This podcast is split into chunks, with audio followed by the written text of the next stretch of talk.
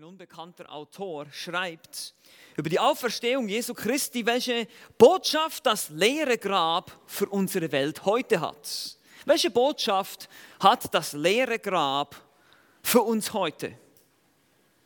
Es sagt zur Wissenschaft und Philosophie, erkläre dieses Ereignis. Es sagt zur Geschichte, wiederhole dieses Ereignis. Es sagt zur Zeit, lösche dieses Ereignis und er sagt zu uns Christen, glaube dieses Ereignis.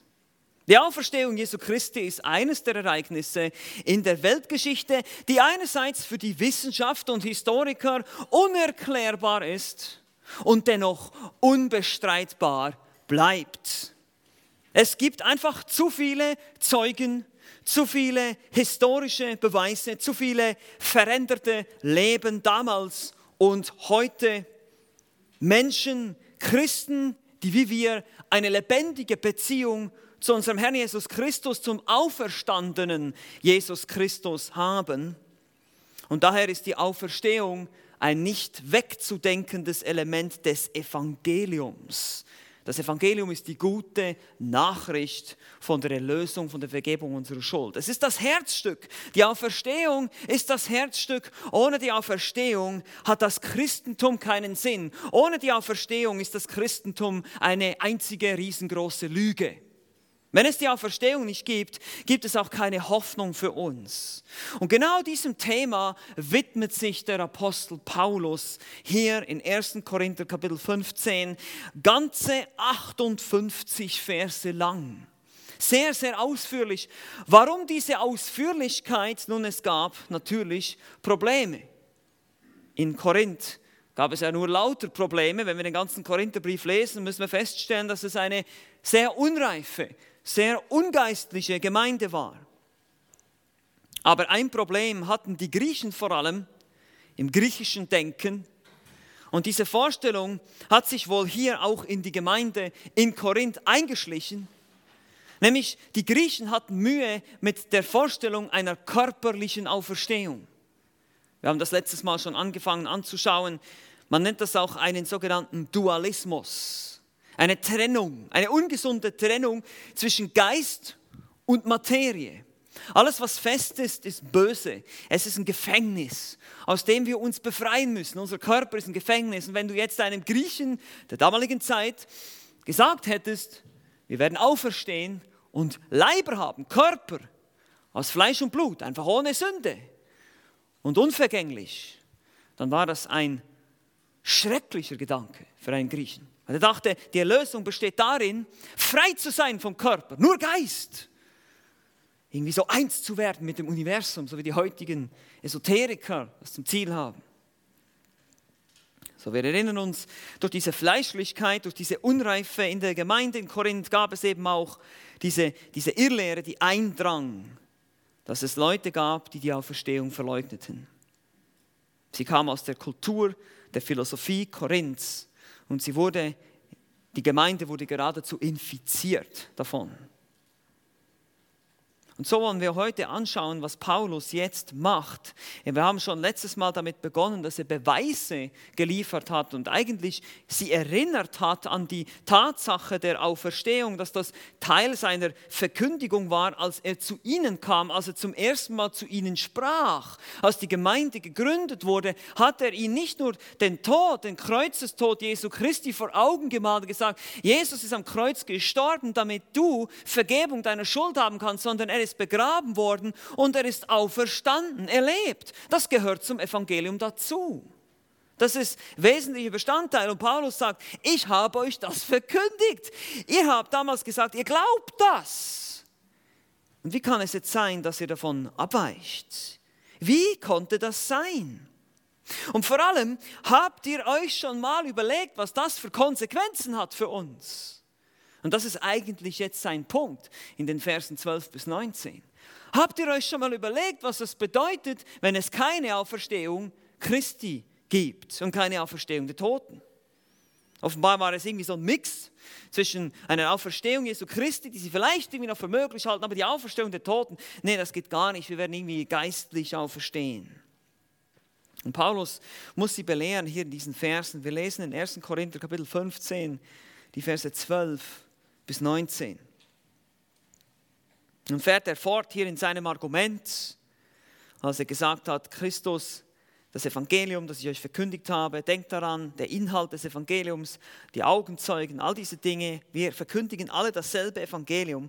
Und dann heißt es hier in Vers 12, wenn aber Christus gepredigt wird, so wie wir alle Apostel hier, ja, Paulus spricht hier in der Mehrzahl, wir, wir die Apostel, Jakobus, Kephas, alle die Leute, die er heranzieht als Augenzeugen, die sind, die, die verkündigen alle dasselbe. Wenn aber Christus gepredigt wird, dass er aus den Toten auferweckt sei, wie sagen einige unter euch, dass es keine Auferstehung der Toten gäbe?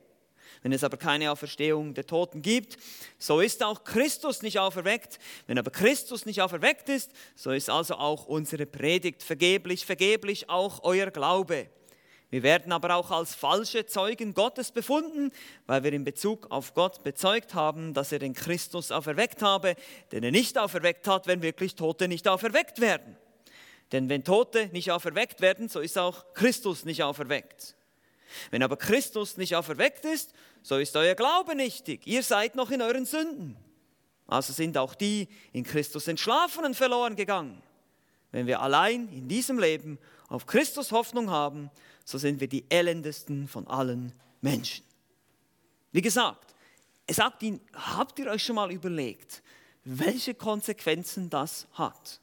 Seid ihr euch bewusst, wenn ihr diese Lehre, und, und das ist interessant übrigens, ähm, so eine kleine Zwischennotiz hier. Wann immer ihr bestimmte Lehren hört, bestimmte Lehrgebäude, versucht sie mal zu Ende zu denken. Ja, wir denken zum Beispiel an unsere postmodernen Freunde, die sagen, ja, es gibt keine Wahrheit. Ja, Wahrheit ist nicht absolut, es gibt keine Wahrheit. Wenn ihr das mal zu Ende durchdenkt, müsst ihr sagen, diese ganze Philosophie ist selbstzerstörend, widerspricht sich selber, weil die Aussage, es gibt keine Wahrheit, ist an und für sich eine absolute Wahrheit. Somit hat sich diese Philosophie völlig widersprochen. Sie ist nicht auslebbar, praktizierbar. Also die Konsequenzen, wenn man es bis zum Ende durchdenkt. Und das ist genau das, was Paulus jetzt hier macht mit den Korinthern. Er hilft ihnen, er setzt sich sozusagen zu ihnen hin und sagt, lasst mich euch mal zeigen, was das genau bedeuten würde. Okay? Und deshalb haben wir heute sechs verheerende Konsequenzen der Verleugnung der körperlichen Auferstehung. Sechs verheerende Konsequenzen. Lasst mich euch zeigen, was die Konsequenzen sind, wenn ihr diese Philosophie, die ihr jetzt hier glaubt, ihr lieben Korinther, bis zum Ende durchdenkt. Was ist dann?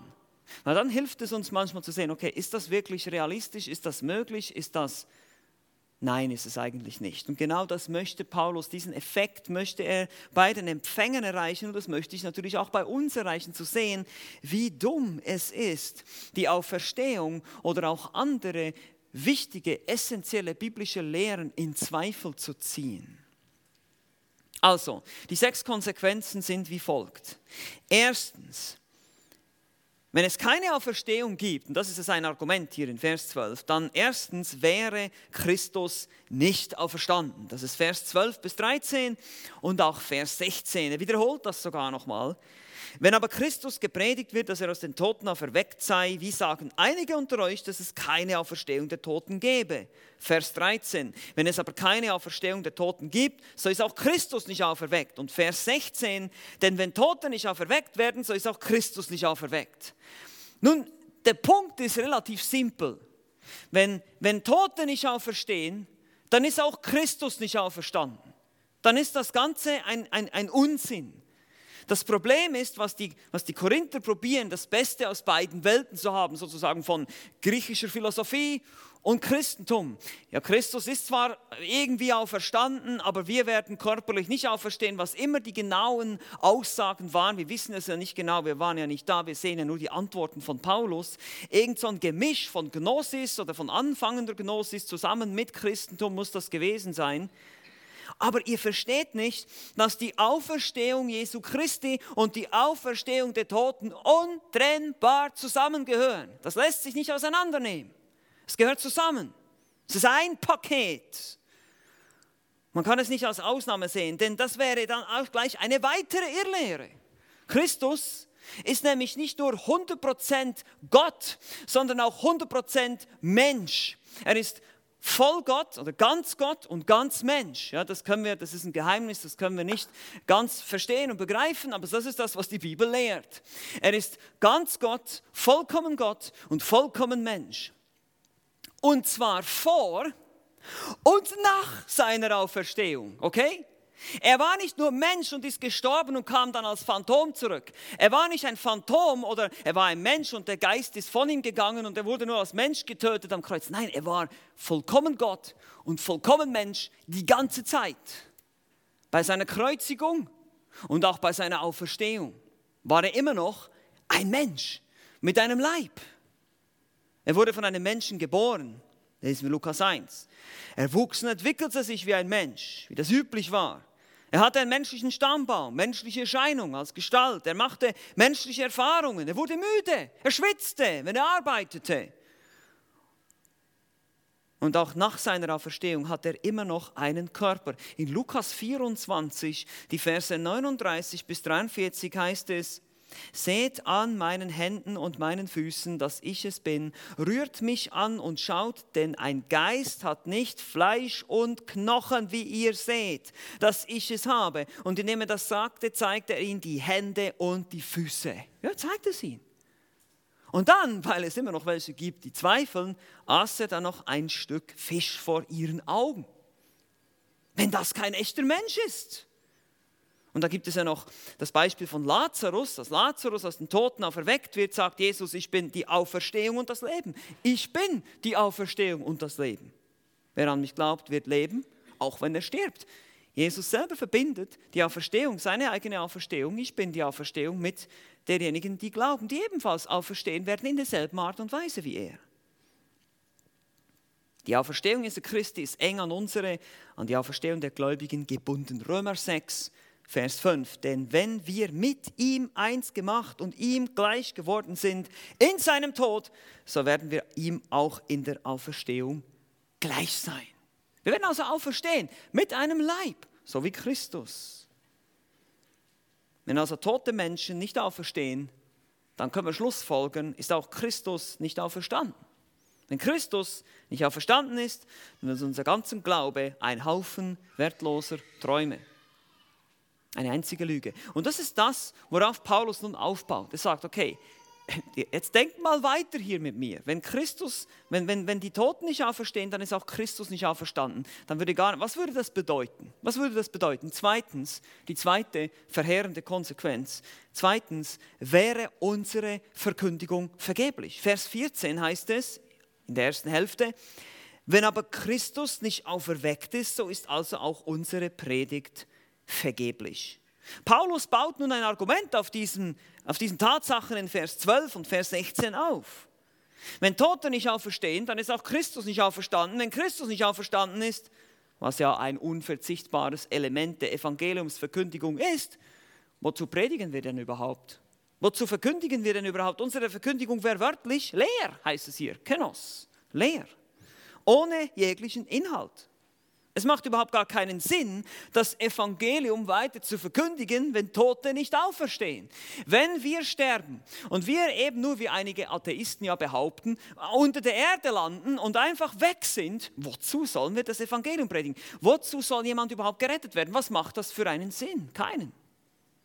Nun, wir werden noch sehen, in Vers 20 heißt es, dass Christus auferstanden ist und dass Tote auferstehen und deshalb macht es Sinn. Aber Paulus redet ihnen hier ins Gewissen, den Korinther sagt, wollt ihr, wollt ihr ernsthaft sagen, dass, dass das, was wir jetzt alles euch verkündigt haben und ihr behauptet zu glauben, umsonst ist, leer ist? Also erstens, Christus wäre nicht auferstanden, zweitens, unsere Verkündigung wäre umsonst und drittens, eine weitere verheerende Konsequenz ist, wäre unser Glaube vergeblich. Vers 14, am Ende heißt es dann auch noch, vergeblich auch euer Glaube. Nicht nur die Verkündigung, sondern ich glaube, wenn die Botschaft inhaltslos und bedeutungslos ist, macht es natürlich auch keinen Sinn, daran zu glauben. Das grundlegende Fundament des christlichen Glaubens baut auf der Verifizierung von Christus als Gottes Sohn durch seine Auferstehung auf. Römer 1, Vers 4. Er ist erwiesen als Sohn Gottes in Kraft nach dem Geist der Heiligkeit. Wodurch? Was ist der Beweis? Am Ende von Vers 4. Durch die Auferstehung von den Toten. Es wurde bewiesen, dass er der Sohn Gottes ist, weil er ist zurückgekommen von den Toten. Wir haben das letztes Mal schon gesehen. Mohammed ist tot und er ist tot geblieben. Buddha ist tot und so auch alle anderen Religionsstifter. Christus lebt. Das ist der große Unterschied. Und genau das macht Paulus deutlich. Wenn Christus auch nur gestorben ist, dann hat es keinen Sinn für uns daran zu glauben, wenn er nicht auferstanden ist. Stellt euch vor, die ganzen Glaubenshelden, die Aussagen im Alten Testament, wir haben das schon angeschaut. Hiob sagt, ich weiß, mein Erlöser was? Lebt. Er lebt. Bist du sicher, Hiob? Ja, er ist sicher. Und die Galerie der Glaubenshelden in Hebräer 11 würde auch nur eine Galerie von Narren und Toren sein. Eine Reihe von Narren, die Spott und Geißelung ertragen und Ketten und Gefängnis, wie Stephanus, der gesteinigt wurde, und andere, die auf dem Scheiterhaufen verbrannt wurden, um ihres Glaubens willen, um eine bessere Auferstehung zu erlangen, die es nicht gibt. Echt? Das ist so das Argument des Paulus hier. Überleg dir das mal. Und hier auch wieder diese, diese Gedanken einfach mal äh, sich vorzustellen, all diese Menschen, die gestorben sind, all diese Menschen, die sich hingegeben haben für einen Christus, der nicht lebt, weil Gott es nicht geschafft hat, seinen Sohn aus dem Grab zu holen. Gott, der allmächtig ist, der alles geschaffen hat, ihm soll das nicht möglich sein, Tote aufzuerwecken, so wie Paulus eins sagte in Apostelgeschichte 26, Vers 8. Warum wird es bei euch für unglaublich gehalten, dass Gott Tote auferweckt? Warum? Wenn er das ganze Leben geschaffen hat, dann ist doch das ein Klacks, Tote aufzuerwecken für Gott, oder nicht? Das ist die Frage. Und was ist mit Luther, mit Calvin und all den Glaubenshelden? Ich stehe hier und kann nicht anders für einen Gott, der nicht seinen Sohn auferwecken kann. Eine Reihe Narren. Aber dem Herrn sei Dank ist es nicht so. Aber Paulus macht hier weiter mit seinem Argument. Unser Glaube ist inhaltslos, die Verkündigung wäre umsonst. Und jetzt wird es ganz interessant, vierte, vierte Konsequenz, vierte, jetzt wird es ein bisschen persönlicher hier. Dann wären alle Verkündiger des Evangeliums Lügner. Alle Verkündiger des Evangeliums wären Lügner. Vers 15 heißt es, wir werden aber auch, wenn es keine Auferstehung der Toten gibt, wenn Christus nicht auferstanden ist, werden auch wir als falsche Zeugen Gottes befunden. Wir, hier wiederum die Apostel, die Verkündiger, die Augenzeugen, wir in Bezug auf Gott bezeugt haben, dass er den Christus auferweckt habe, den er nicht auferweckt hat, wenn wirklich Tote nicht auferweckt werden. Das ist Vers 15. Also meine Lieben, ihr wollt mir sagen, dass ich ein Lügner bin? Ich, Paulus, durch den ihr das Evangelium gehört habt, ihr wollt sagen, ich und alle anderen, meine Apostelkollegen sozusagen, sind Lügner? Wir haben das alles nur erfunden, diese Auferstehungsgeschichte. Alle diese Augenzeugen, die 500 Brüder auf einmal, sind alles Lügner. Wollt ihr das wirklich behaupten? Ist das euer Ernst? Geht aber noch weiter hier. Die Autoren der Heiligen Schrift, die uns verkündigen, was von Anfang an war, wären Lügner. Sie wären Pseudomärtyrer, das ist wörtlich hier, ein vorgetäuschter Zeuge. Sie wurden, sie wurden erfunden, sie wurden so im Prinzip wie von einem Gerichtssaal angeklagt. Das ist die Idee hier, die in dem Vers kommuniziert wird. Sie werden als falsche Zeugen in Gottes Sache erfunden. Ja, alle Apostel, die Schreiber des Neuen Testaments, Johannes, der Apostel, der schreibt über die zukünftige Hoffnung der Kinder Gottes, dass wir Jesus gleichgestaltet werden und ihn von Angesicht zu Angesicht sehen können. Johannes, 1. Johannes 3. Petrus schreibt in 1. Petrus 1,4 von einem unbefleckten, unverweltlichen Erbe, das es nicht gibt, oder wie oder was? Paulus bezeugt vor dem Rat in Jerusalem wegen der Hoffnung auf die was? Auferstehung der Toten stehe ich vor euch, werde ich hier gerichtet. Diese alle werden Lügner. Das wäre alles nicht wahr gewesen. Aber wisst ihr was? Selbst Jesus wäre ein Lügner. Jesus, er selbst hat immer wieder nicht nur von seinem Tod, sondern auch von seiner Auferstehung gesprochen. Du willst also mit anderen Worten behaupten, und ich weiß, es gibt viele, selbst ungläubige Menschen, die sagen, ja, Jesus, das war ein großer Prophet, ein guter Mann, ein Religionsstifter. Nein, das ist Unsinn. Das geht nicht. Entweder war er Gottes Sohn und er ist von den Toten auferstanden oder er war der größte Wahnsinnige, der je existiert hat auf diesem Planeten. Weil er hat behauptet, dass er Gottes Sohn ist, er hat behauptet, dass er von den Toten zurückkommt. Entweder bist du geistesgestört, wenn du sowas behauptest, oder du bist wirklich Gott. Aber etwas dazwischen gibt es nicht. Entweder wirfst du dich vor ihm nieder oder du rennst davon. Aber du kannst nicht sagen, ja, der war ein guter Lehrer und der war schon ganz okay wie alle anderen. Nein. Wenn wir die Aussagen Jesu ernst nehmen, er hat ganz deutlich gesagt, er wird auferstehen. Er wird auferstehen. So auch die alttestamentlichen Propheten, die wären ebenfalls Lügner, das haben wir schon gesehen. Im Alten Testament wurde es vorhergesagt. Wir können also keine Abstriche machen von der biblischen Botschaft. Die Bibel, das Evangelium der Rettung ist eine Alles- oder Nichts-Botschaft, eine ganze Packung. Wir können nicht das eine oder andere, naja, die Jungfrauengeburt oder naja, dass Jesus auf dem Wasser lief oder eben, dass er auferstanden ist. Nein, entweder alles oder nichts. Und das beginnt bei der Schöpfung in sechs Tagen. Wenn wir sagen, ah, das kann nicht sein, das müssen irgendwie Millionen von Jahren gewesen sein, warum denn?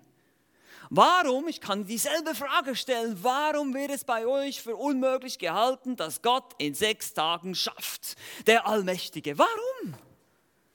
Wenn es ein allmächtiger Gott ist, dann kann er doch, da könnte er so machen, die ganze Welt wäre da.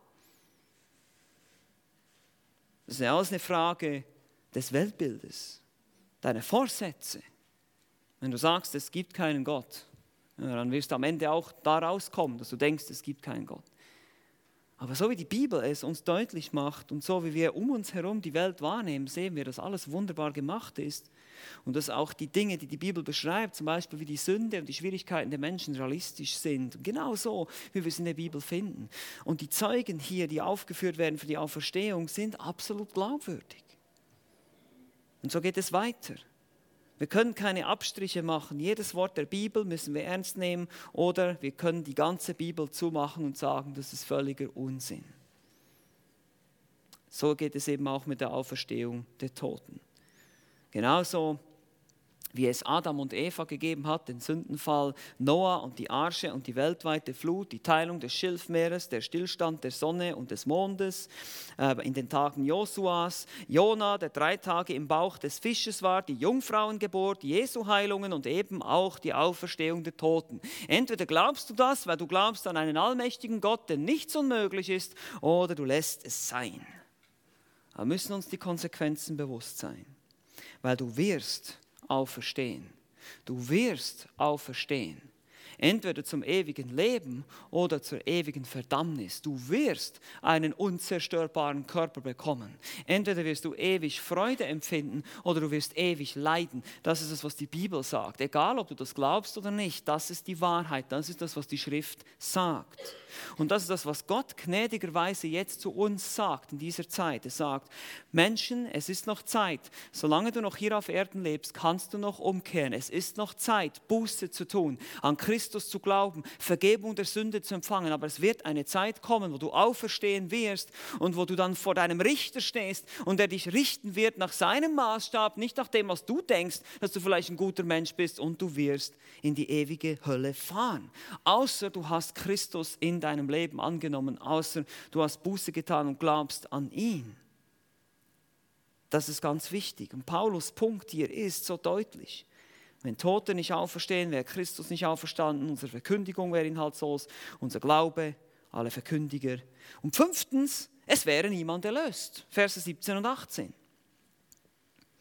Wenn aber Christus nicht aufer, auferweckt ist, so ist auch euer Glaube nichtig. Ihr seid noch in euren Sünden. Also sind auch die in Christus Entschlafenen verloren gegangen. Die Tatsache der Auferstehung ist eng mit unserer persönlichen Erlösung verknüpft. Wie gesagt, Kerngedanke oder Kernpunkt des Evangeliums. Paulus schreibt in Römer 4, 25, ihn, das ist Christus im Zusammenhang, ihn, der um unserer Übertretungen willen dahingegeben und um unserer Rechtfertigung willen auferweckt worden ist. Der Beweis, dass Gott das Opfer von Christus angenommen hat, ist die Auferstehung. Dass er den Tod besiegt hat, dass er den, den Stachel des Todes genommen hat. Er hat diesen Feind, diesen letzten Feind, den Tod hat er besiegt. Er ist kein Feind mehr für uns. Wenn wir sterben, werden wir weiterleben. Das ist genau das, was Jesus sagte. Ich bin die Auferstehung. Wer an mich glaubt, wird was? Wird weiterleben, auch wenn er stirbt. Und so ist es auch hier. Wenn aber Tote nicht auferstehen und Christus auch nicht auferstanden wäre, dann wären wir gar nicht gerechtfertigt. Wir wären unser Glaube, unser Glaube wäre nichtiger, wäre wertlos und wir wären noch in unseren Sünden, heißt es hier. Und auch alle, die in Christus entschlafen sind, das heißt, die bereits gestorben sind, die Gläubigen, die gestorben sind, die wären ebenfalls verloren gegangen. Die wären alle in der Hölle gelandet. Ist euch das bewusst? Das ist genau wieder das Argument von Paulus. Ist euch das bewusst, die Konsequenzen, die das hat? Die wären auch alle verloren. Wir wären nicht besser dran als die Ungläubigen, sagt er im Prinzip. Wir wären nicht besser dran als die Ungläubigen. Wir würden in demselben Boot sitzen. Wir hätten genauso keine Hoffnung, wenn wir, wenn Christus nicht auferstanden ist, die Toten nicht auferstehen. Und schließlich, sechstens, es ist nämlich nicht nur so, dass wir in demselben Boot sitzen würden wie die Ungläubigen. Wir wären sogar noch viel schlimmer dran als Gläubige. Wir wären alle bedauernswert. Das ist Vers 19. Wir wären alle bedauernswert. Wir lesen noch Vers 19. Wenn wir allein in diesem Leben auf Christus Hoffnung haben, so sind wir die elendesten von allen Menschen. Wie gesagt, wir würden nicht nur in einem Boot mit den Ungläubigen sitzen, wir wären viel schlimmer dran. Wenn wir weiter nichts sind als solche, die in diesem Leben ihre Hoffnung auf Christus gesetzt haben, so übersetzt es die Menge-Übersetzung hier. Alle, die Christus nachfolgen, sind hier gemeint, alle, alle Christen, alle Gläubigen. Wenn unsere einzige Hoffnung Christus ist und in diesem Leben nur, es kein nächstes Leben gibt, dann wären wir die elendesten aller Menschen. Es gäbe keine Auferstehung, die Hoffnung verwandelt sich in Verzweiflung, die Freude in Leid, der Trost in Schmerz. Es wäre vorbei, es ist alles umsonst. Und deshalb schreibt Paulus, wir wären die elendesten, die beklagenswertesten Menschen unter allen Menschen. Wenn Christus nicht auferstanden ist, wenn Tote nicht auferstehen, dann wird uns Christus weder in diesem Leben und schon gar nicht im nächsten Leben helfen können. Es gäbe dann wahrhaftig niemand bedauernswerteren, nichts Tragischeres oder auch nichts, was lächerlicher wäre als wir Christen. Und genau deshalb ist die Auferstehung so zentral im christlichen Glauben. Stellt euch mal vor, ihr lebt euer ganzes Leben hier im Kampf gegen die Sünde, ihr versucht euch zu disziplinieren, ihr wollt dem Herrn nachfolgen, ihr bemüht euch und ihr strebt danach und am Ende kommt dabei heraus nichts. Es macht einfach keinen Sinn. Im Gegenteil, wir wären viel, viel schlimmer dran. Und das ist wichtig zu verstehen hier. Den Punkt, den Paulus macht, ist eindeutig. Ohne Auferstehung der Toten keine Auferstehung des Christus. Ohne Auferstehung des Christus keine Hoffnung. Alles Lüge, unser Glaube inhaltslos, unsere Situation hoffnungslos. Lass uns jetzt hier noch drei Dinge nochmal zusammenfassen. Einfach als Ermutigung, auch als Anwendung für dich, für die nächste Woche. Was machen wir damit, mit diesem ganzen Abschnitt? Und ich sage das immer wieder, die Anwendung in diesem Text hier, in diesen ganzen 58 Verse, finden wir eigentlich ganz am Ende. Ja, ganz am Ende in Vers 57 und 58 sagt er Gott, aber sei Dank, der uns den Sieg gibt durch unseren Herrn Jesus Christus. Daher, meine geliebten Brüder, seid fest, unbeweglich, alle Zeit überströmend in dem Werk des Herrn, da ihr wisst, dass eure Mühe nicht vergeblich ist im Herrn. Seht ihr, die, die ganzen Mühen, dass die ganze Hingabe, das ganze Opfern von, von mir, die ganze Selbstverleugnung, all das ist nicht umsonst. Die Mühe ist nicht umsonst. Es wird belohnt werden im nächsten Leben. Und es gibt drei, drei Punkte, die wir uns merken wollen. Das erste ist die Auferstehung und unsere Rettung. Wir erkennen, dass wir manchmal vielleicht eben das Evangelium auf Jesus stirbt am Kreuz für deine Sünden reduzieren und vorsichtig sein müssen. Wir sprechen sehr oft davon, Christus stirbt für deine Sünde, Vergebung der Sünde, das ist alles richtig und wichtig. Aber lasst uns auch betonen, dass Christus auferstanden ist, dass er lebt, es gibt ja manchmal diese, äh, ihr kennt vielleicht so diese Sticker an den Autos, Jesus lebt. Ja, das ist auch nicht unbedingt, das ist auch nicht alles. Wir müssen alles, Christus ist gestorben, er ist begraben und er lebt, er ist auch verstanden. Alle drei Dinge sind wichtig und gehören zusammen. Das ist, wie gesagt, ein Paket und die Auferstehung, das ist ein nicht wegzudenkender Inhalt der beständigen Verkündigung, auch der Apostel. Und so sollte es auch bei uns sein. Es ist sehr wichtig, dass du nicht nur an Jesu Tod, sondern auch an seiner Auferstehung als, als Glaubensinhalt festhältst. Ich meine, du persönlich, um errettet zu sein. Ohne Auferstehung kein Evangelium. Diesen Punkt macht Paulus hier sehr, sehr deutlich. Wenn Christus nicht auferstanden ist, werden Tote oder wenn Tote nicht auferstehen, Christus nicht auferstanden, dann ist alles, was wir in der Bibel finden, wir würden lauter, das wären lauter Lügen, überall Widersprüche. Jesus selbst ein Lügner, die Apostel ein Lügner, die Predigt umsonst, der Glaube umsonst, wir werden alle verloren. Das macht keinen Sinn. Aber Jesus lebt. Und das ist die gute Nachricht. Jesus lebt. Er hat die Konsequenzen der Sünde. Könnt ihr euch erinnern, ganz am Anfang bei Adam und Eva, was kam in die Welt durch die Sünde? Der Tod.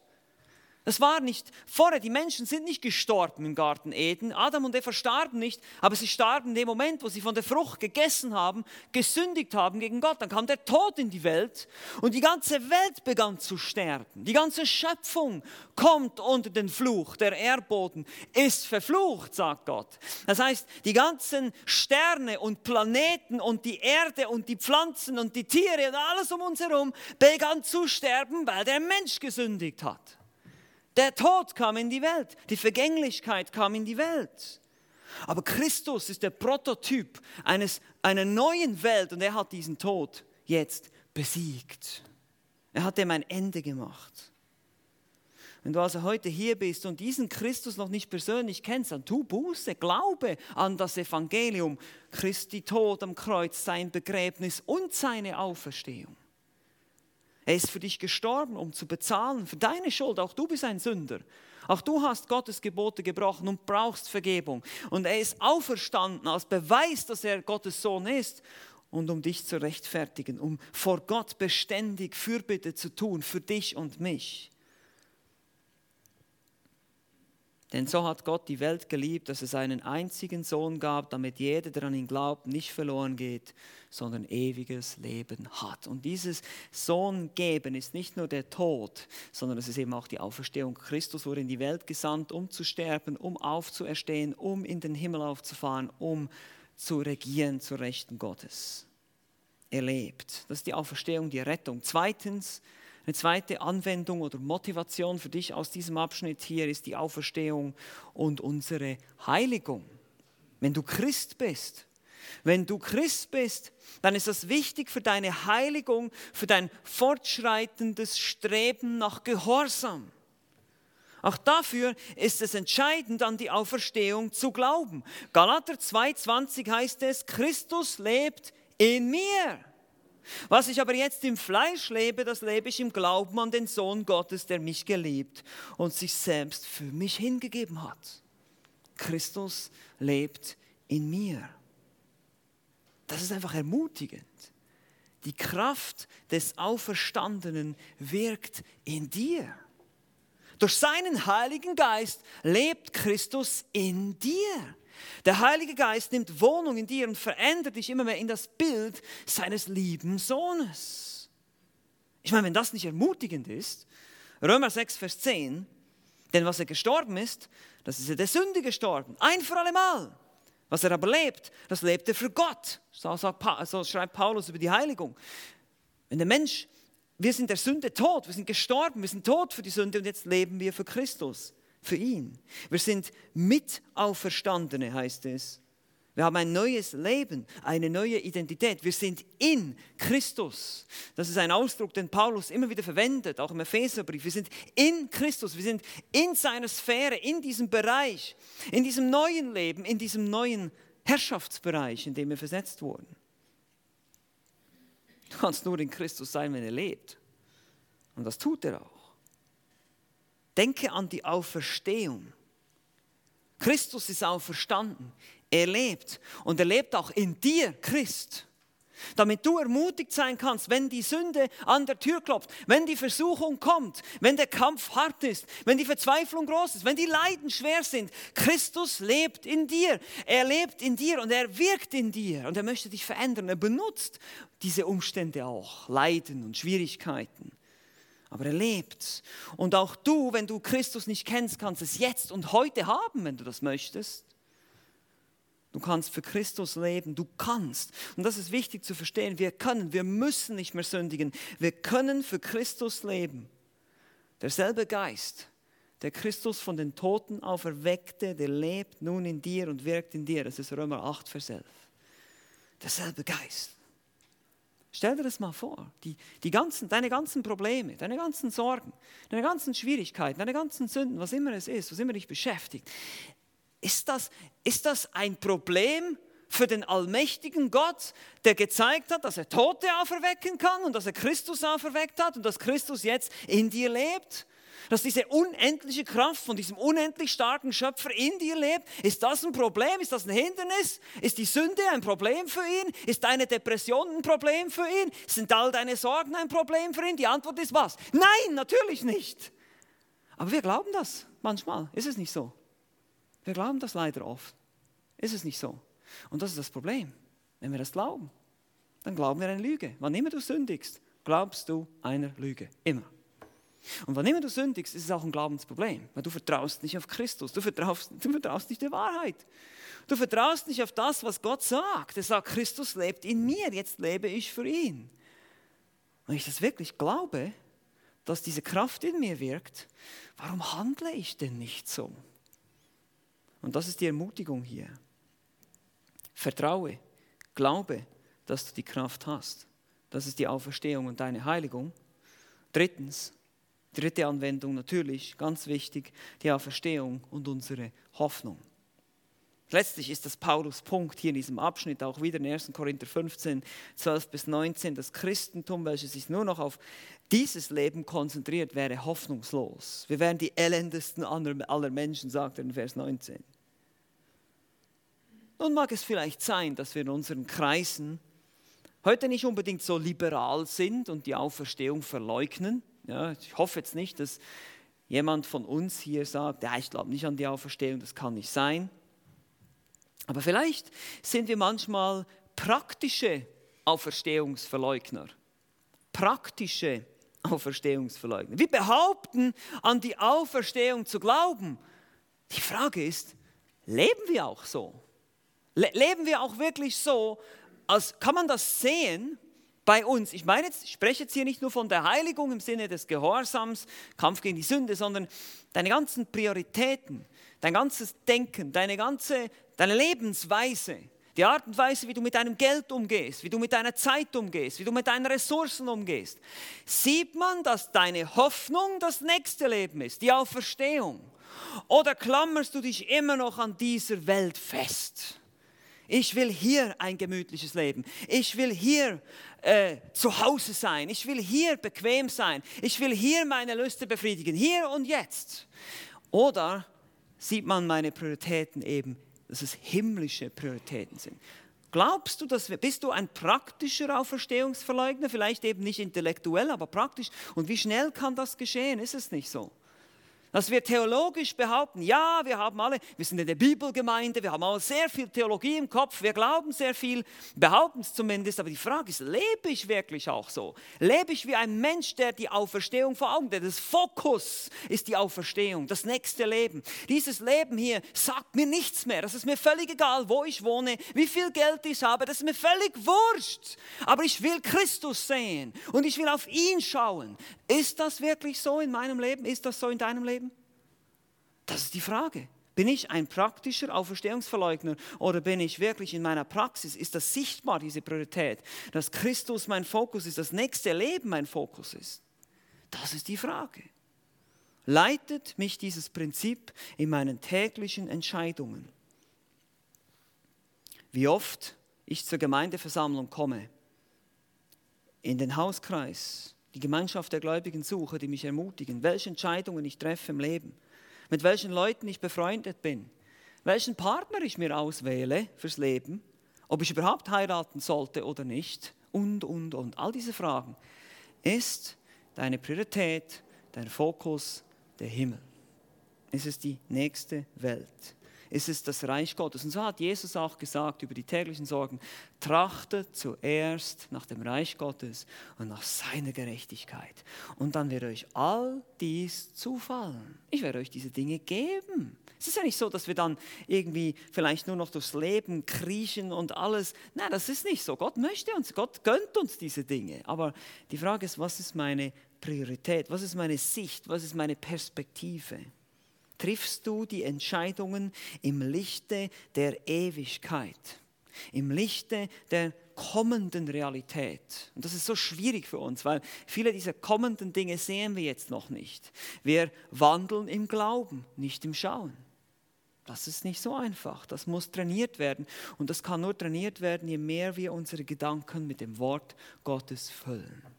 Und das hier, dieses Buch, unser Denken drängt und beeinflusst. Die Auferstehung Jesu Christi ist eng mit unserer Rettung verbunden. Ohne Auferstehung keine Rettung. Die Auferstehung Jesu Christi ist der Fokus in unserer Heiligung.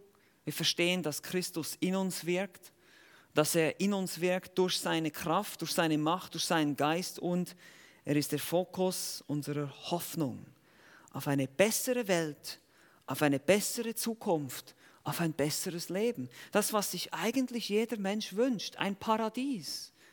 Das, ist, das, ist, das kommt nicht von irgendwoher, dass wir uns das wünschen, dass wir im Paradies leben, weil das ist deine Bestimmung. Wenn du eines Tages beim Herrn sein wirst, aber nicht jetzt.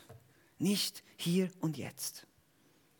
Aber das ist unser Fokus, das ist unsere Hoffnung und das treibt uns an. Und hoffentlich treibt es und motiviert es dich, das zu tun, was der Herr von uns verlangt. Amen. Amen. Lasst uns noch mal beten.